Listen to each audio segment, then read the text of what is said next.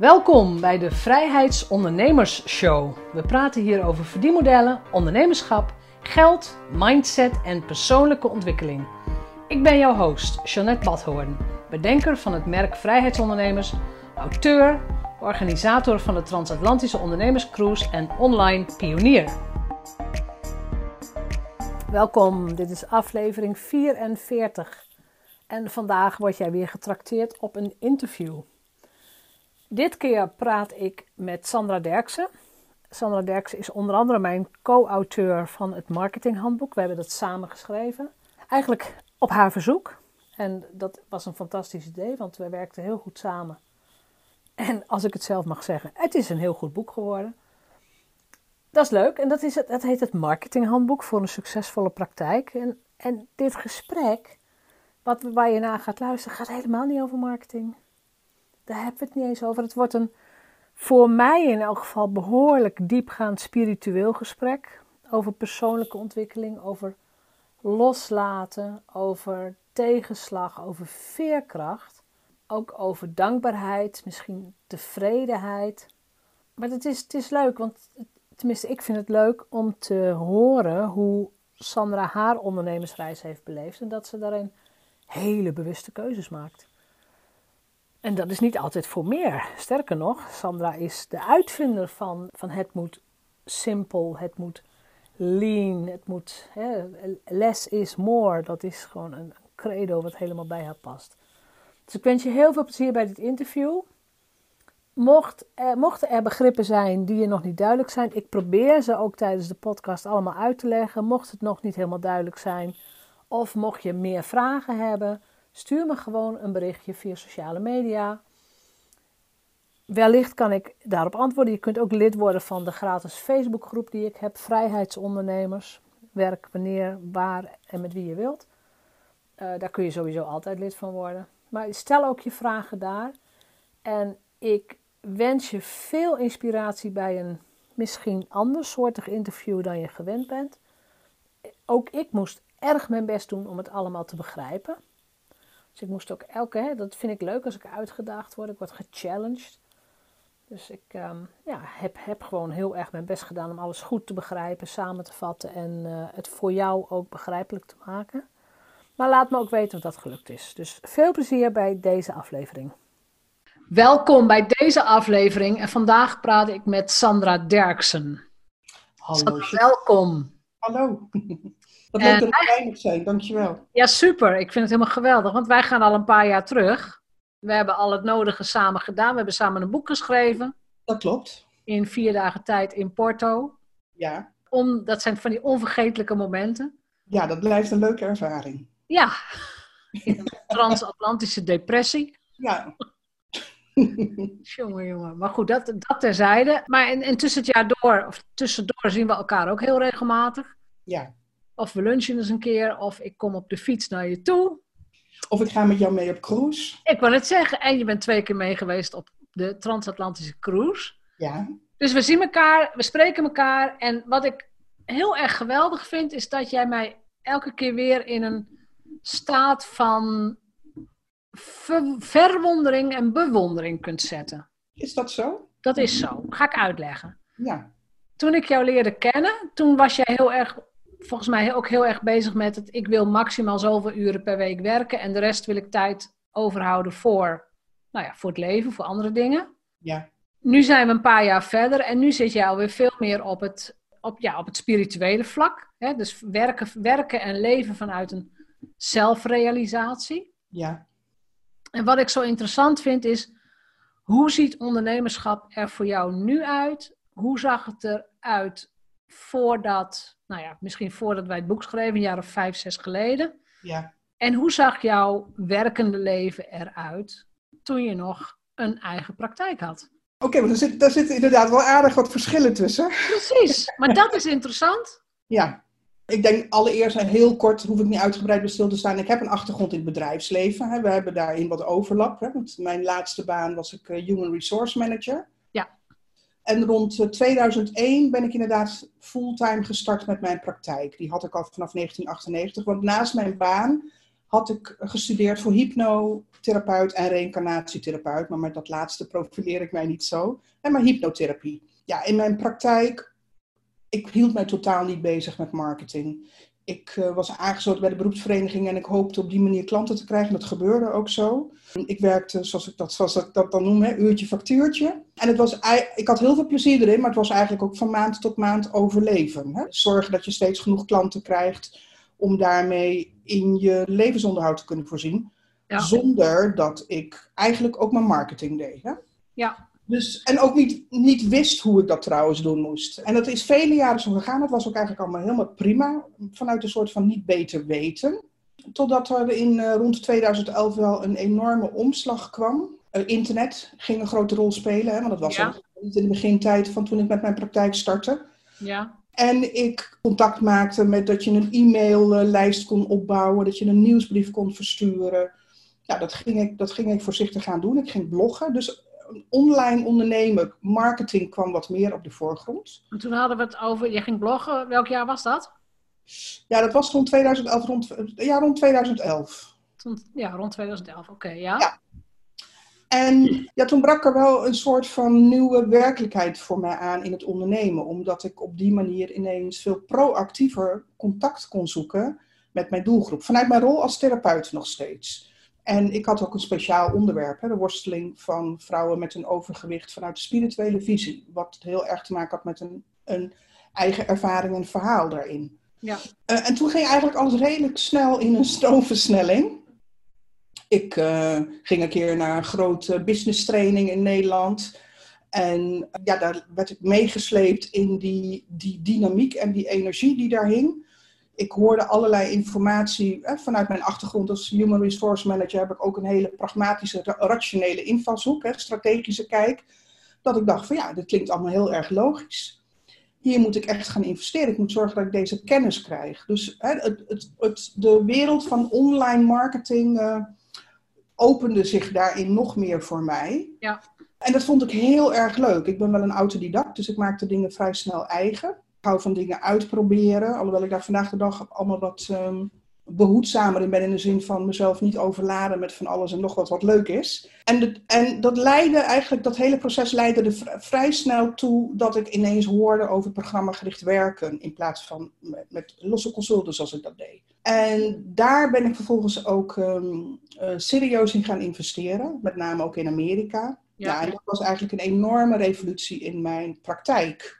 Hè, om niet meer langer te werken met losse consulten, maar hè, mijn expertise aan te bieden. Wat was daarin voor jou de grootste mindset shift? Dus de grootste verandering, want het, het vergt heel veel lef om uh, uurtarief, misschien weet ik veel, 75 uur, euro, naar, naar een programma gericht werken. Dat je ineens moet zeggen, ja, maar het kost uh, eh, 600 of 1000 of meer. Ja. Ja, ik begon volgens mij rond het bedrag van 800 euro. Ja. Nou, wat ik in ieder geval wel snel bij mezelf herkende, en ik denk dat dat al wel een voordeel was, was toen dat ik hoorde over deze manier van werken, dat ik dacht, vanuit andere inspirerende voorbeelden, als zij dat kunnen, dan moet ik dat ook kunnen. Dus er was wel een besef van, ik heb iets, ik, ik, wat ik doe is waardevol. Hè? En, het eh, claimen van je expertpositie. Ja, het claimen, claimen van, de, van de waarde die ik had te bieden. Dus daar had ik niet zozeer onzekerheid over. Het was meer de praktische invulling van hoe ga ik dat doen. Ja. En natuurlijk was de grootste uitdaging daarin, gaan klanten dat echt betalen? Ja, ja, ja, ja, ja. En natuurlijk hoorde ik voorbeelden om mij heen van hè, het wereldje waar ik op dat moment ook in zat, van dat het allemaal kon. Maar het bleef dan toch hè, ja, een zekere mysterieuze aantrekkingskracht uh, hebben in het begin die, die natuurlijk, omdat ik, hè, daar, omdat ik me committeerde aan het implementeren van alles wat ik leerde en het ook deed, eh, heel snel realiteit werd. Ja. Ja, daarin heb ik steeds op momenten mijn mindset uh, mogen stretchen naar steeds nieuwere bedragen die pasten bij, bij hè, het zelfvertrouwen wat daarin groeide. En zeker als dat ook vervolgens gevoed wordt door um, want een van de aantrekkelijke kanten van het programma gericht werken met op waarde gebaseerde prijzen is dat het je een goed inkomen kan verschaffen, kan verschaffen. Ja. Maar als, even inhoudelijk als professional, je kunt zoveel meer uh, impact creëren met je klant. Dus je kunt veel meer resultaat boeken. Hè? Een klant hoeft niet meer per sessie te besluiten of die wel of niet een, nog weer een keertje komt. Je hebt gewoon samen een traject voor een, bijvoorbeeld een half jaar, ik noem maar ja, wat. Klopt wat ik werkte. En dat, dat boost vervolgens extra je vertrouwen in de, in de toegevoegde waarde van die manier van denken. Maar mijn geldmindset, ja, dat was wel. Heel veel mensen in je omgeving zeggen, nou, dat kan toch niet? Of je denkt, ja, maar mijn collega's vragen dat en ik ga ineens dit vragen. Maar goed, redelijk snel, als je maar voldoende ja's krijgt, dan creëer je je nieuwe realiteit of je nieuwe normaal. En dan weet je gewoon, ehm, ja, maar het is wel mogelijk. En vanaf dat moment is het bijna alsof je op een andere planeet functioneert. en dat is ook zo, hè? Ten opzichte van heel veel collega's in de markt die, die het dan nog op de andere manier doen, zeg maar. Dat mag natuurlijk. Ja. niet iedereen hoeft voor mijn programma te gericht te werken. Maar het is een totaal nieuwe realiteit. Ja. En nu, in ons voorgesprek zei jij, we nemen dit, hè, we nemen dit op, uh, wat is het, eind maart 2020. En in het voorgesprek zei je van nou, het, eh, het ging over ondernemerschap. Ik heb de, de omzet voor 2020 eigenlijk nu al binnen. Want we hadden het natuurlijk even over corona en over afhankelijkheid. Ik zeg, red je het nog een beetje? na? zeg, hè, jij zei van, het is helemaal prima. Ik heb mijn omzet voor dit jaar binnen. En wat je zei, in elk geval genoeg om in je levensonderhoud te voorzien. Ja, mijn, basis, mijn basisminimum is voorzien. Ja. Het basisminimum is voorzien. Ja. Ik weet zeker dat er heel veel mensen luisteren en die denken: wat? Het is nog niet eens 1 april en je kunt er al een heel jaar van leven. Ja, maar dat, ja. ja, en ik denk dat het nog een beetje aanhaakt ook op je vorige vraag, omdat je vroeg wat is er dan ook vandaag de dag anders ten opzichte van bijvoorbeeld een tijdje terug, om dat bruggetje te maken. En toen ik ging investeren in al die kennis, in Amerika ging ik er volgens mij binnen twee of drie jaar tijd meer, meer dan een halve ton eraan uitgegeven. Um, en dan zit je ook in een soort van hype met elkaar en in zo'n coachgroep en dergelijke. Dus daar liet ik me ook wel door meeslepen. Wat allemaal goed is. Maar in de afgelopen jaren is er iets veranderd. Met name in de afgelopen drie jaar. In jou is iets veranderd? In mij is iets uh, fundamenteels veranderd. Maar daardoor ook in de manier van ondernemen. Dat ik juist heel veel dingen ben gaan loslaten. Ja. En naar een soort van versobering, versimpeling ben, ben gekomen. Um, die enorm veel rust geeft, moet ik zeggen. Ja. Waarin ik, hè, dat is een term die ik wel eens hanteer, roep, dus die zal ik nou ook roepen, hè, heel erg geloof in de overvloed van genoeg. Ja. Hè, dus ik hoef niet een ton, twee ton, drie ton, vier ton of wat dan ook. Ik geloof in de overvloed van genoeg.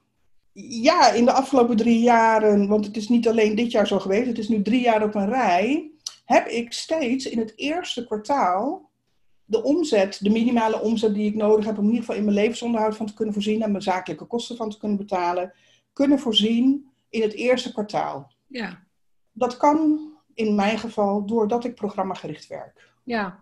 En niet alleen in mijn praktijk, ehm, maar ook als, vanuit mijn rol als business mentor. Hè? Want dat is wat ik parallel eraan ben gaan doen een aantal jaar geleden. Ja. Ja, en dat is heel erg comfortabel, omdat ik een andere belangrijke waarden heb. Uh, hè, onder andere vrijheid. Ja, precies. Maar, maar ook tijd. Tijd is ja, hè, ik, hoef, ik hoef maar ongeveer 10 à 15 uur in de week te werken. En dat is eigenlijk ook inclusief het schrijven van boeken, kan ik bijna wel zeggen. Om daarmee uh, in ieder geval in mijn levensonderhoud te kunnen voorzien. Om hartstikke leuk werk te doen waar ik heel erg veel van hou, waar ik heel blij van word. Ja. Maar, zonder, maar waarbij ik ongelooflijk veel tijd, of zeeën van tijd heb, om mij om, om aandacht te hebben voor een aantal andere dingen in mijn leven die heel erg belangrijk zijn. Precies, en dat is voor mij ook de ultieme boodschap van vrijheidsondernemen. Ja. Want als ik die term bekijk, iedereen denkt van, oh, dan moet je miljonair worden en dan kun je op een jacht gaan leven. Daar gaat het helemaal niet om. Nee, dat is voor mij niet vrijheid. Nee, voor mij ook niet. Moest er niet aan denken. Dat eerste deel wel hoor, maar die, dat op een jacht leven niet. Maar, ja, maar vrijheid. Mij ook geen vrijheid. Ja. Nee, vrijheid is inderdaad dat je je leven zo inricht dat je dingen kunt doen waar je zelf heel veel plezier aan beleeft. Of dat je dingen gaat doen, wat, dingen die heel veel voldoening geven. Dus het kan iets zijn voor je familie, maar het kan ook vrijwilligers. Het kan van alles zijn. Ja. Dat is voor mij vrijheidsondernemen. Ja. Ik heb het idee dat steeds meer mensen dat wel doorhebben. Veel mensen koppelen het natuurlijk aan financiële vrijheid.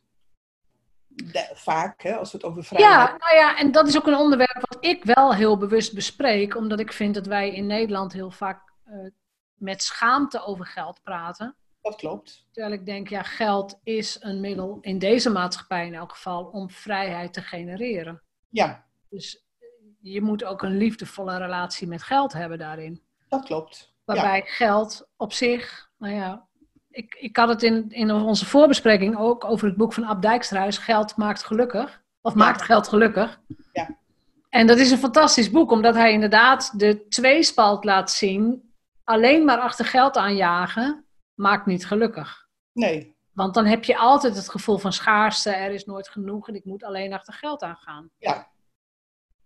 En geld blijft uiteindelijk altijd een middel, hè? Geld blijft een middel. Ja. Maar als er nu, hè, zoals nu in de coronacrisis, als jij genoeg geld hebt om bijvoorbeeld uh, eten te kunnen bestellen of om wel een, ehm, weet ik veel, een extra huisje te hebben waar je afgezonderd kunt werken, ik noem maar iets. Ja. Dan heb je ook tijdens dit soort tijden het idee van, nou ja, het is wel een hele vervelende tijd, maar uh, ik red me wel. Ik maak me geen zorgen om mijn, om mijn kale bestaan.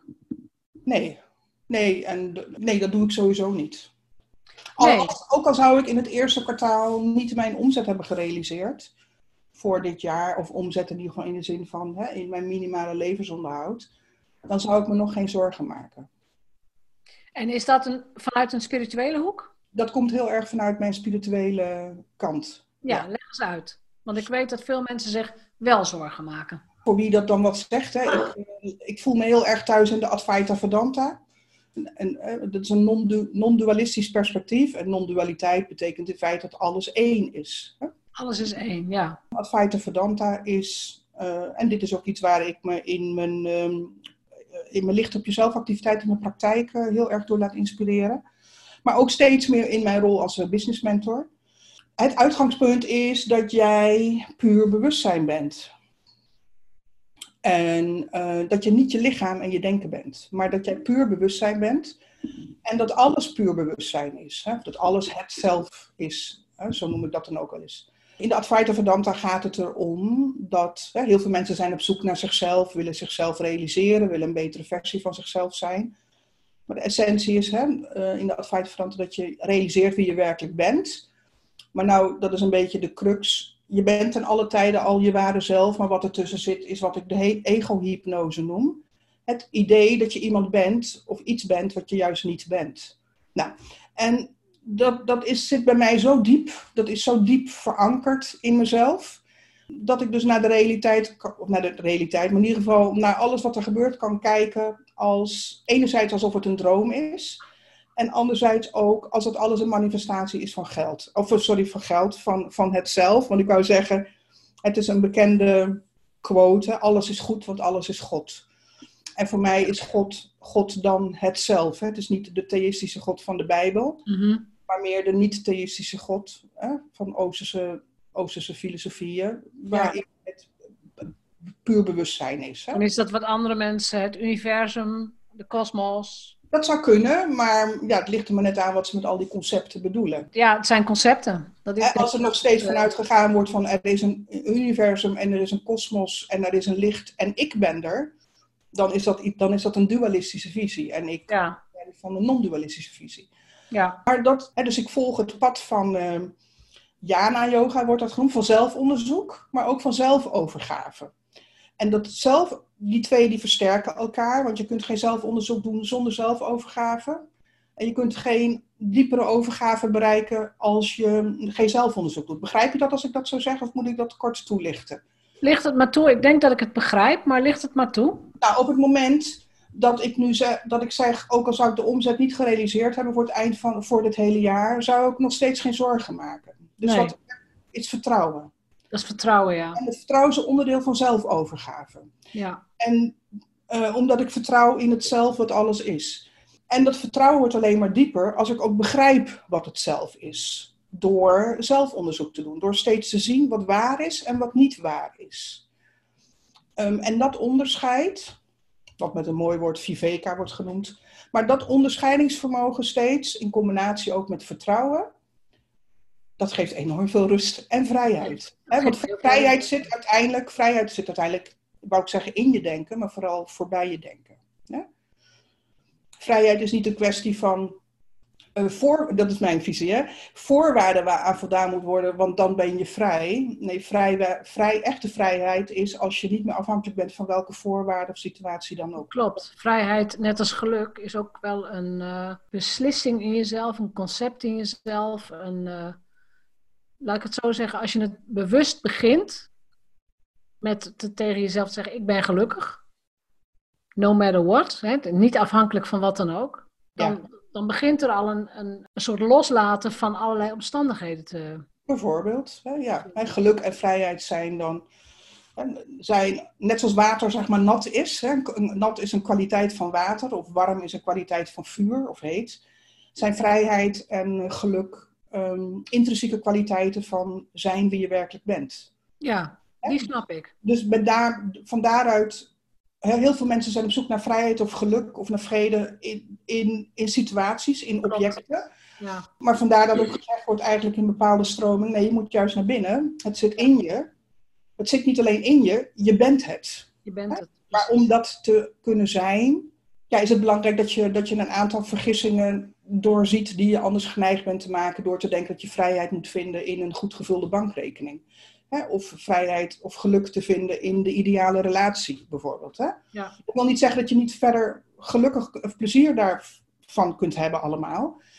Uh, maar um, je bent pas echt vrij en gelukkig erin als je er niet aan gehecht bent. Hè? Want op het moment dat je de vraag zou stellen, maar wat als je relatie wegvalt, wat in mijn geval bijvoorbeeld gebeurd is. Ja. Als je bankrekening wegvalt, wat in mijn geval ook een keer gebeurd is, ja. kun je dan nog steeds vrij en gelukkig zijn. En dat is ware vrijheid en gelukkig zijn. Want ja, precies, jij zegt dat inderdaad, hè, relatie en geld weg.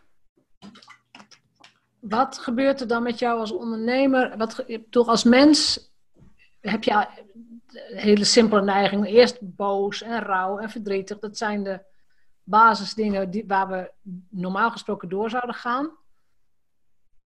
Maar wat heb jij besloten? Nou, ik zal niet zeggen dat ik vrij was van uh, emotie uh, daarin, alles behalve. Uh, ik heb daar ook wel stevig rouwproces in gehad. Maar dat heb ik ook wel gezien als een soort van poort. Hè? Of een soort van.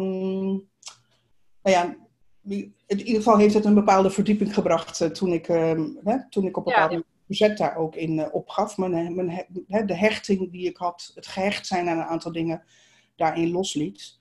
Ik denk, ik heb wel heel erg veel steun daarin gehad van mijn spirituele visie daarin. Ja. ja het, oké, het iets ervaren op een bepaalde manier, uh, maar tegelijkertijd ergens beseffen dat dat, dat dat een onderdeel is van de, ja, wat ik noem de ego-hypnose. Hè, van ja. Ja, en dat je constant herinneren, hè, constant op een andere manier jezelf helpen te herinneren om daar op een andere manier dus naar te kijken. En dat is, dat is meer de um, bewustwording van je eigen gedachtenstromen. Ja, dat is, dat is waarnemen wat er gebeurt. Ja. En dus waarnemen wat je denkt en wat je voelt en wat je jezelf ziet doen. En tegelijkertijd realiseren dat jij niet dat bent, maar het waarnemen daarvan. En ja, precies. zelfs nog iets verder dan dat. Dat je de derde positie gaat pakken, de observerende ja. positie. ja, het is nog steeds een tijdelijke positie, maar dat neemt al dat je er met een afstand uh, hè, naar, naar kijkt. En dat je de continue identificatie die plaatsvindt, ja, dat dat begint los te weken op die manier. Kijk, en uh, wat ik net kort zei even, het verliezen van mijn relatie en uh, op een bepaald moment ook verliezen van al mijn geld. Dat, waren, hè, dit, dat waarnemen is iets wat ik altijd doe, maar dit waren even hele heftige situaties die veel, hè, veel deden. En ze zijn heftiger, heftiger omdat je er meer aan gehecht bent. Ja, ja, stel je maar gewoon voor als je je kind mocht verliezen. Hè? Of, eh, of wat het dan ook maar is wat je heel erg dierbaar is. Hè? Precies, ja. Ja, en toen, ik, toen, dat, toen dat geld hè, door omstandigheden uh, buiten mijn toedoen verdween als ondernemer, toen heb ik wel onmiddellijk vrij snel kunnen zien dat juist mijn programmagerichte, programmagerichte manier van werken mijn redding was. Zeg ja, omdat jij dan weer in staat bent om geld in je bedrijf te krijgen? Ja, eh, enerzijds weet ik hoe ik marketing kan doen. Weet ik hoe ik klanten kan aantrekken. Ik help er ook anderen bij. Ja.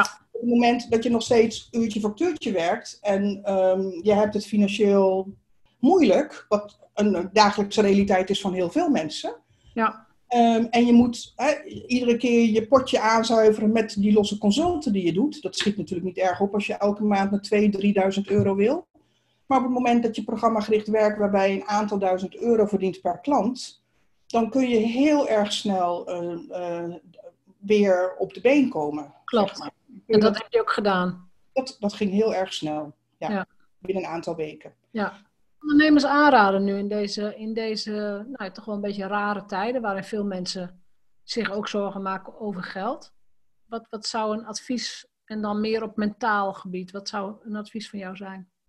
Mijn advies zou in eerste instantie, als je ook zegt mentaal, um, is stop onmiddellijk met allerlei angstscenario's te bedenken in je hoofd. dus uh, wees heel erg alert op wat je denkt. En uh, in, dat denk, in de gedachten die je daarin hebt, um, weiger eigenlijk om ze uh, te geloven. Eén. Maar twee, heel veel mensen zijn geneigd, en daar hebben we allemaal last van, om als er een gedachte komt die ook nog eens als heel erg echt kan lijken. Zo'n crisis lijkt natuurlijk enorm echt. En zeker ook als klanten afzeggen en dat soort dingen. Hè? Ik bedoel, het is allemaal heel erg echt. Maar ja, als je droomt, lijkt ook alles heel erg echt. Uh, maar als je daarin gaat zitten, je, je gaat daarin mee met je denken, dan voed je die situatie. Hè? Want je geeft het realiteit. Dat is de you are where your attention is. Dus zo zou je het kunnen zeggen. Ja. Dus het is heel erg belangrijk om daar al alert op te zijn. Hè? Want je creëert, het is in feite self-fulfilling prophecy. Ja. Je creëert je eigen realiteit. Dus daar zou ik heel erg alert op zijn en daarmee stoppen. Want uiteindelijk weet je het niet. Hè? Dat vind ik dan wel weer het mooie van Byron Katie. Hè? Met de mensen die bekend zijn met, met Byron Katie. Met de vragen van de work. Je hoeft alleen maar de vraag te stellen: kan ik absoluut zeker weten dat het waar is? Dat. En, en vul de vraag maar aan. Ja. Eigenlijk is het antwoord altijd nee, dat weet ik niet zeker. Nou, in ieder geval niet absoluut zeker, nee. Nee, niet absoluut zeker, maar zo'n absoluut, het woordje absoluut erbij is nogal belangrijk. Het woordje absoluut is essentieel. Het zeker te weten. Hè? Ja. het woordje dus absoluut. Op het, moment, op het moment dat je daar echt mee kunt verbinden, dan kom je eigenlijk in de positie van niet weten. Ja. En niet weten is een enorm, een oneindig groot veld, om het maar even zo te zeggen. Ja. Ja. Want ineens is alles mogelijk. Terwijl als je het al, terwijl als je je gedachtenstroom voedt, vooral je blemmerende gedachten, en je voedt het, dan creëer je al een soort van werkelijkheid daarin. Hè? Want ja, je denkt dat het zo zou kunnen gaan gebeuren. Hè? Ja, dat klopt. Per se. Ja. Maar je mist daardoor ineens die enorme ruimte van kansen die je vanuit een helderheid wel kunt zien. Ja. En dan moet ik wel even zeggen, hè, zoals dan ook met die twee situaties in mijn leven, uh, die veel impact op me hadden. Er was ook op momenten, juiste momenten, heel erg veel helderheid. Omdat ik steeds zag hè, wat mijn denken aan het doen was. Vanuit programmering en conditionering. En ik dacht, nee, dat kan, dan, dat kan mijn denken dan wel zo geconditioneerd allemaal projecteren. Uh, maar dat is helemaal niet waar. Dat hoeft helemaal niet zo. Nee. dus als je dat al een halt kunt toeroepen, toe, te, toeroepen en een, in een positie van niet weten kunt blijven. En daarin de ruimte kunt voelen van um, wat er allemaal mogelijk is, dan is er automatisch ook een soort van helderheid in plaats van een vertroebeling vanuit angst. Om rustig te kijken, te voelen wat de juiste volgende stap is. in, in essentie hoef je die nog niet eens te bedenken, omdat die zich vanzelf aandient. In de vorm van een inspiratie, een ingeving, iemand die op je weg komt en in plaats komt. Ook. Als je het zo beschrijft, is het bijna de, de kinderlijke nieuwsgierigheid voordat wij naar school gaan. Eh, nou, ja, kinderen Alles is mogelijk. Alles kan. Als ik denk dat ik Superman ben, dan ben ik Superman. Als ik denk dat, nou ja, dat we een geweldig feestje gaan hebben, dan hebben we gewoon een geweldig feestje. Bijvoorbeeld, ja. ja. Dus eigenlijk is het een talent wat wij allemaal hebben. Het, hè, de positie van niet weten, nieuwsgierig, open. Nou goed, de waarnemerpositie is in ieder van ons aanwezig. Ja welke gedachte er ook is, er is altijd het waarnemen van de gedachte, het bewustzijn van de gedachte. Ja. En dat is een uh, essentiële positie, want um, het, is de, het verwijst naar de kern van wie je bent. Het wordt ook wel het ik ben genoemd. Ja. Het is in feite je enige absolute zekerheid die je hebt. Dat. Ja, dat je, dat je zeker weet dat je denkt. Dat je bent. Dat je bent. Nee, want je bent ook als je niet denkt, namelijk. Maar dan gaan we. En ook als ik niet denk, dat klopt. Je bent ook als je niet denkt. Dan, maar denk ik. Wat zeg je? Meestal slaap ik dan. Dat klopt. Nou, dat is al een scherpe waarneming. Hè? Ik probeer op te letten. Ja. ja, dat klopt. Want ik bedoel, in je diepe slaap is er geen besef van de wereld of van uh, dat je bent, of van je onderneming, of van geld, of van corona, of wat dan ook. Nee, en niet van je lichaam, van je kinderen, van wat het dan ook maar is wat je dierbaar is of wat je je zorgen over maakt. En de volgende ochtend word je wakker en de hele wereld verschijnt weer. Hè? Ja. En, uh, maar je zult niet zeggen, ik was er vannacht niet. Nee. Dus nee, het, het gevoel van ik ben of van waarnemen is continu aanwezig. Alleen wij associëren het heel erg met iets waarnemen. En in de diepe droomloze slaap is het het waarnemen van niets. Maar goed. En hoe, hoe doe je dat als ondernemer? Want je zegt, je, je begeleidt vanuit de spirituele hoek, maar, maar ook als business mentor. Ja. Wat breng jij je coaches bij? Hmm. Nou, voor een groot deel is het heel erg de praktische kant. Van hoe schrijf je een boek? Of uh, hoe creëer je een high-end programma en uh, trek je daar klanten voor aan? Dus dat is gewoon vanuit je kennis, vanuit je rugzak? Ja, dat is gewoon mijn kennis en ervaring. En ja. uh, dat vind ik ook geweldig om te doen. Vind ik echt heel erg leuk. Ja. Maar de, dat, dat stukje spiritualiteit waar ik het nu over heb, dat begint wel steeds meer door te zijpen. En ik ben daar innerlijk ook erg mee bezig. Ik wil daar ook veel meer mee gaan doen.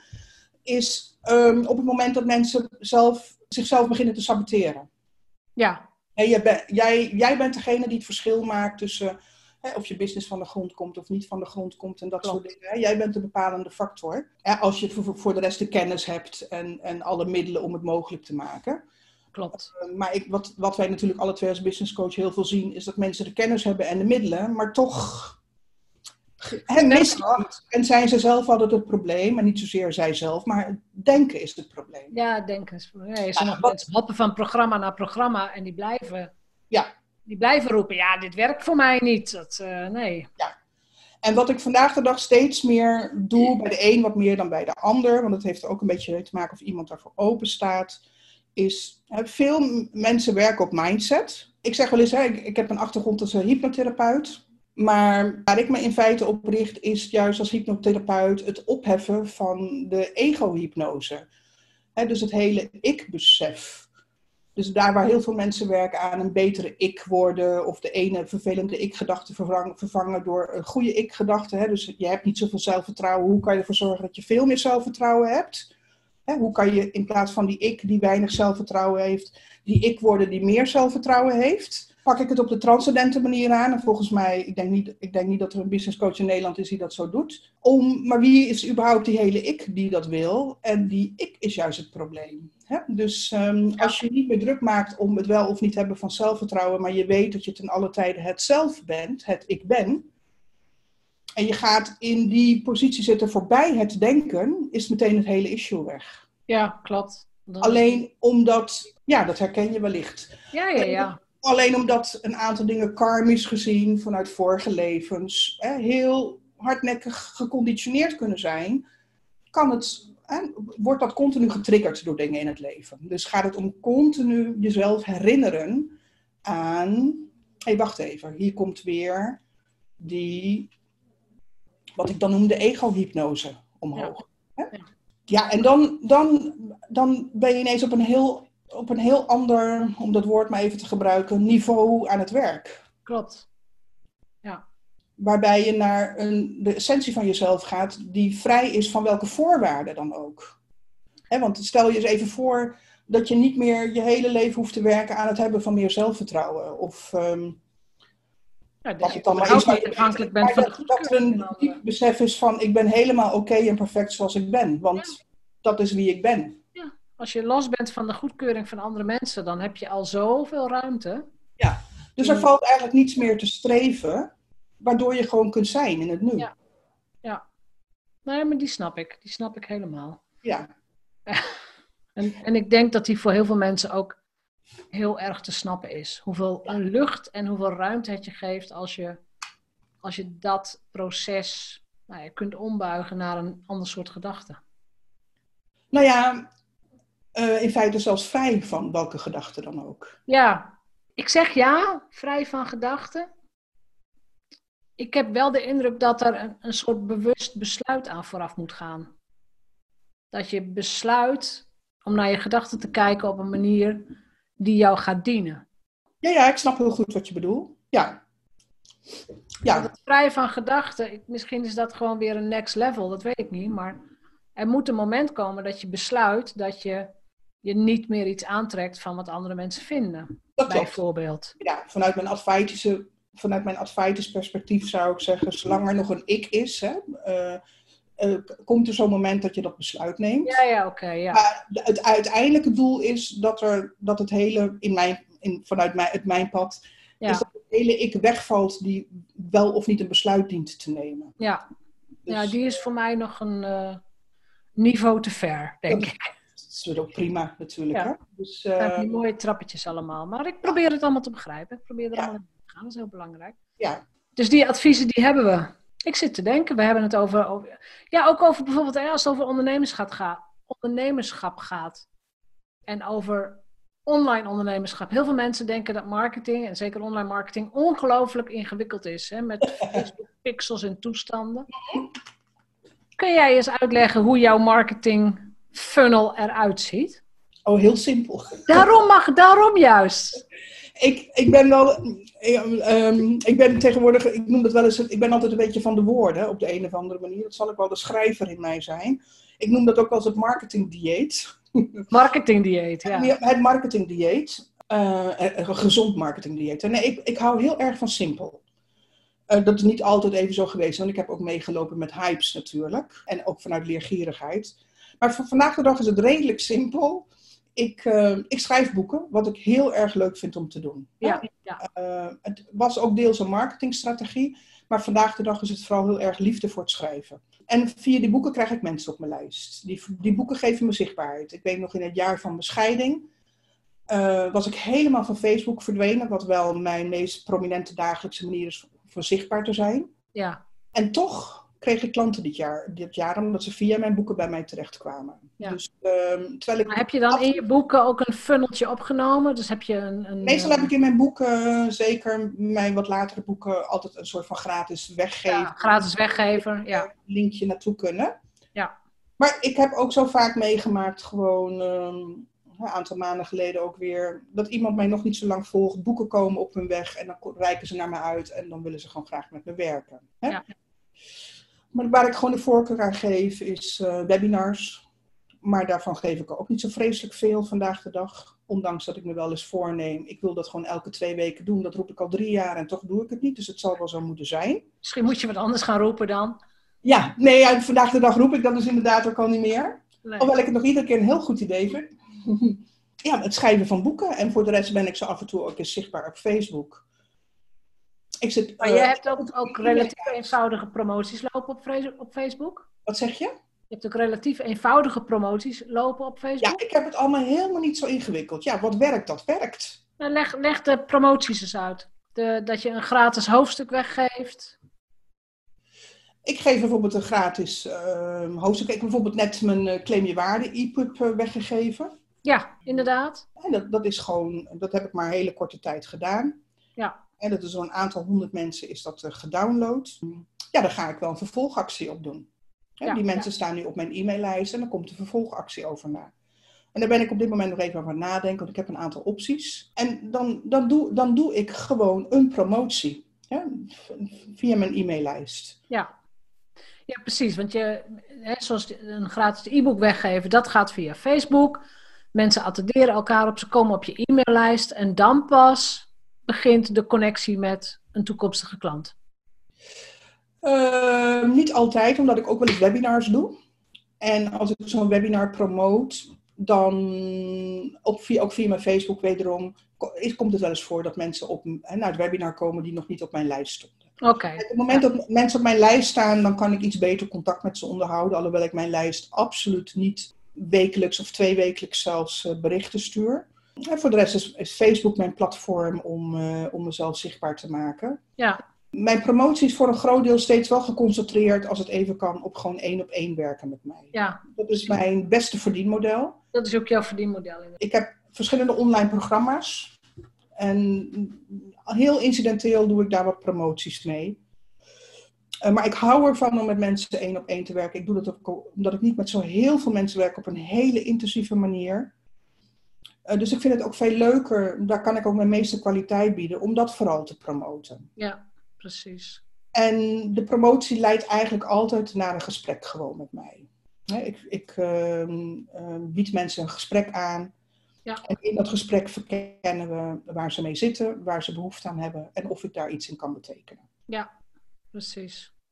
Dus het is, ja, dat is heel simpel. Kijk, ik, heb wel, ik, ik roep wel eens, ehm, hoe meer je wil, hoe ingewikkelder alles wordt. Hè? Dus uh, op het moment dat ik voor mezelf besloot, ik doe niet meer mee aan de red race van uh, dat ik tonnen moet verdienen. En ik leef voor mezelf vanuit de overvloed van genoeg en ook wat het universum mij toezendt, terwijl ik gewoon een aantal dingen doe hè, om, mezelf zichtbaar te houden. Dan wordt het allemaal ongelooflijk simpel. Ja, want, je bent qua, qua social media alleen op Facebook te vinden volgens mij. Ja, ja want ik heb mijn Twitter en mijn LinkedIn-account uh, eind vorig jaar opgezegd. En Insta heb je niet? Nee, Insta heb ik niet, alhoewel ik soms wel denk, zal ik daar iets op doen? ook omdat ik heel veel quotes heb en dergelijke, allemaal van mijn boeken.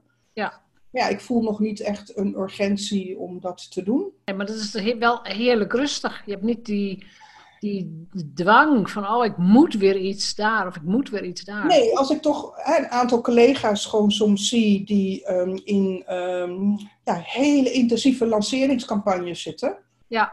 En daar soms bijna overspannen uitkomen. Ja. Um, ja, dat, dat, dat ken ik niet. Nee. Nee, maar dat is dus wel een heel bewust ondernemersbesluit ook, of oud mensbesluit misschien. Van ik wil gewoon een overzichtelijk leven en ik wil tijden. Maar dat komt, ik denk dat is dan wel belangrijk om even te zeggen. Mijn prioriteit in het leven is het pad van zelfonderzoek en zelfrealisatie. Ja. Dus uh, ik, ik, ik geloof oprecht dat dat het doel is waarom ik ben geboren. Ja. Om, en dat dat de zin is van mijn bestaan. dat is met name in de afgelopen drie jaren heel. Op het moment dat mijn huwelijk uh, verbrak, was dat wel een van de kernboodschappen eruit. Ja. En waarvoor ik ook een relatie moest loslaten. Om in die relatie met het zelf te. Dat klopt. Te, te, had je het ook niet gedaan waarschijnlijk.